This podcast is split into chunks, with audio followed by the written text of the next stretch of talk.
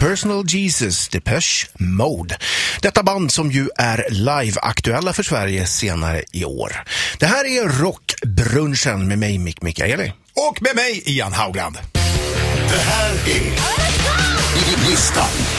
Jo, men visste du. Det här är alltså säsongens första lista då. Och då har jag sammanställt listan över de vanligaste nyårslöftena. Heter det det? Det heter det. Ja, alldeles riktigt. Okej, vad Ian. bra. De bra- börjar väl eh, troligtvis att fallera många av de här då. Men eh, oavsett, här är i listan på plats nummer fem. Att byta jobb. Ja. Låter det? ja, det är något som man har tänkt på en och annan gång. Ja, precis. Mm. Vi går vidare.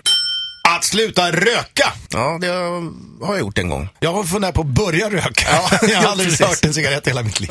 Det är dags, för- dags för ett nyårs, nyårslöfte. då.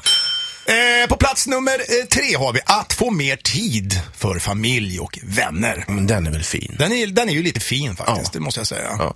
Är, du- är, du- är, får jag fråga en sak igen? är du själv en person som, som ger nyår, nyårslöften? Alltså, e- egentligen inte så här. Jag, jag, jag tycker ju att... Eh, jo, jag har eh, faktiskt avlagt ett eh, nyårslöfte som jag tyckte känns ganska rimligt och lite flummigt. Hur löd det? I år ska jag bli en bättre version av mig själv än vad jag var förra året. Ja, men det var ju jättefint. Ja, och än så länge tycker jag att det känns som att jag har lyckats upprätthålla detta. Ja, det tycker jag också. Jag blir upphängningar i datasystemet här! Åh, konstigt.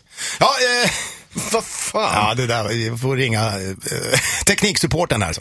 Ja, vi kör vidare på listan då.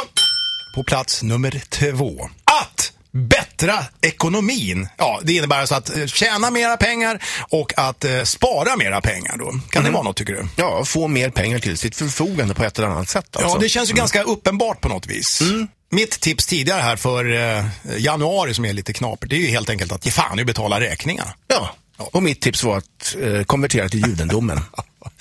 Vi går vidare på plats nummer ett. Att leva ett hälsosammare liv. ja.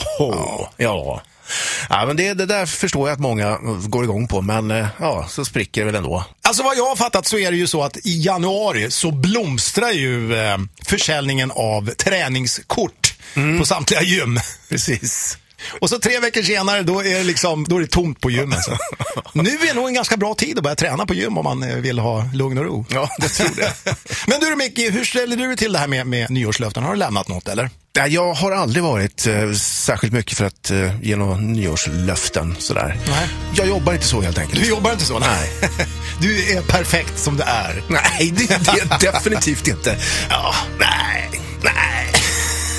Ja, men då släpper vi det där. Du behöver inte säga mer än så. Rockklassiker. Ett poddtips från Podplay. I fallen jag aldrig glömmer djupdyker Hasse Aro i arbetet bakom några av Sveriges mest uppseendeväckande brottsutredningar. går vi in med hemlig telefonavlyssning och, och då upplever vi att vi får en total förändring av hans beteende. Vad är det som händer nu? Vem är det som läcker?